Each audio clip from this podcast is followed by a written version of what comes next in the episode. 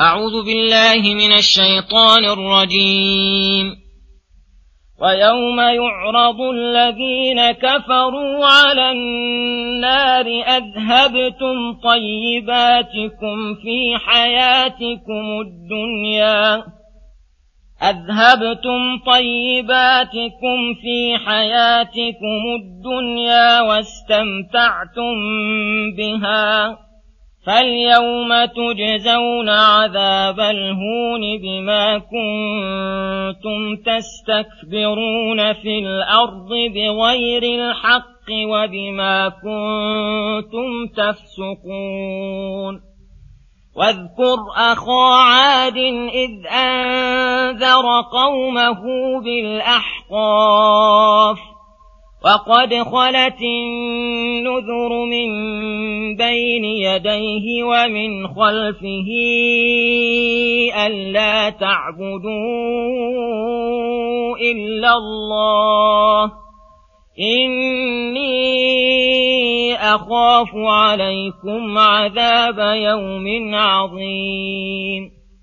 قالوا أجئتنا لتأفكنا عن آلهتنا فأتنا بما تعدنا إن كنت من الصادقين. قال إنما العلم عند الله وأبلغكم ما أرسلت به ولكني أراكم قوما تجهلون. فلما رأوه عارضا مستقبل أوديتهم قالوا هذا عارض ممطرنا. بل هو ما استعجلتم به ريح فيها عذاب أليم تدمر كل شيء بأمر ربها فأصبحوا لا يرى إلا مساكنهم كذلك نجزي القوم المجرمين ولقد مكناهم في ماء مكناكم فيه وجعلنا لهم سمعا وأبصارا وأفئدة فما أغنى فما أغنى عنهم سمعهم ولا أبصارهم ولا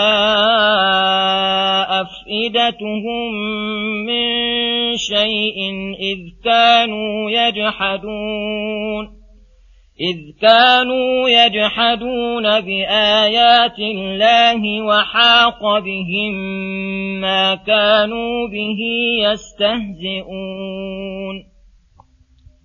بسم الله الرحمن الرحيم. السلام عليكم ورحمة الله وبركاته.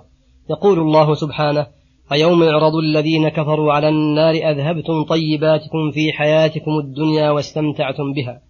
الآية يذكر تعالى حال الكفار عند عرضهم على النار حين, يبخ حين يوبخون ويقرعون فيقال لهم أذهبتم طيباتكم في حياتكم الدنيا حيث اطمأننتم إلى الدنيا وغتررتم بلذاتها ورضيتم بشهواتها وألهتكم طيباتها عن السعي لآخرتكم واستمتعتم بها كما تتمتع الأنعام السارحة فهي حظكم من آخرتكم فاليوم تجزون عذاب الهون.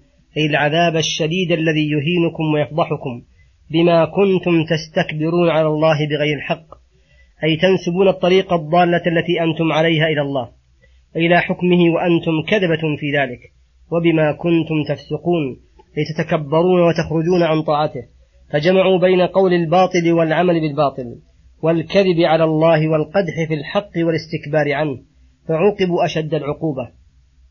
ثم يقول سبحانه واذكر أخا عاد إذ أنذر قومه بالأحقاف الآيات. أي واذكر بالثناء الجميل أخا عاد وهو هود عليه السلام حيث كان من الرسل الكرام الذين فضلهم الله تعالى بالدعوة إلى دينه وإرشاد الخلق إليه. إذ أنذر قومه وهم عاد بالأحقاف أي في منازلهم المعروفة بالأحقاف وهي الرمال الكثيرة في أرض اليمن. وقد خلت النذر من بين يديه من خلفه فلم يكن بدعا منهم ولا مخالفا لهم. قائلا لهم ألا تعبدوا إلا الله إني أخاف عليكم عذاب يوم عظيم. فأمرهم بعبادة الله الجامعة لكل قول سديد وعمل حميد ونهاهم عن الشرك والتنديد فخوفهم إن لم يطيعوه العذاب الشديد فلم تفد فيهم تلك الدعوة. قالوا أجئتنا لتأتكنا عن آلهتنا. أي ليس لك من قصد ولا معك من الحق إلا أنك حسدتنا على آلهتنا فأردت أن تصرفنا عنها. فأتنا بما تعدنا. إن كنت من الصادقين. وهذا غاية الجهل والعناد. قال إنما العلم عند الله. فهو الذي بيده أزمة الأمور ومقاليدها. وهو الذي يأتيكم بالعذاب إن شاء. وأبلغكم ما أرسلت به. أي ليس علي إلا البلاغ المبين. ولكني أراكم قوما تجهلون. فلذلك صدر منكم ما صدر من هذه الجرأة الشديدة. أرسل الله عليهم العذاب العظيم. وهو الريح التي دمرتهم وأهلكتهم. ولهذا قال فلما رأوه أي العذاب عارضا مستقبل أوديتهم أي معترضا كالسحاب قد أقبل على أوديتهم التي تسيل فتسقي مزارعهم ويشربون من آبارها وغدرانها. قالوا مستبشرين هذا عارض ممطرنا. أي هذا السحاب سيمطرنا. قال تعالى بل هو ما استعجلتم به. أي هذا الذي جنيتم به على أنفسكم حيث قلتم فأتنا بما تعدنا إن كنت من الصادقين.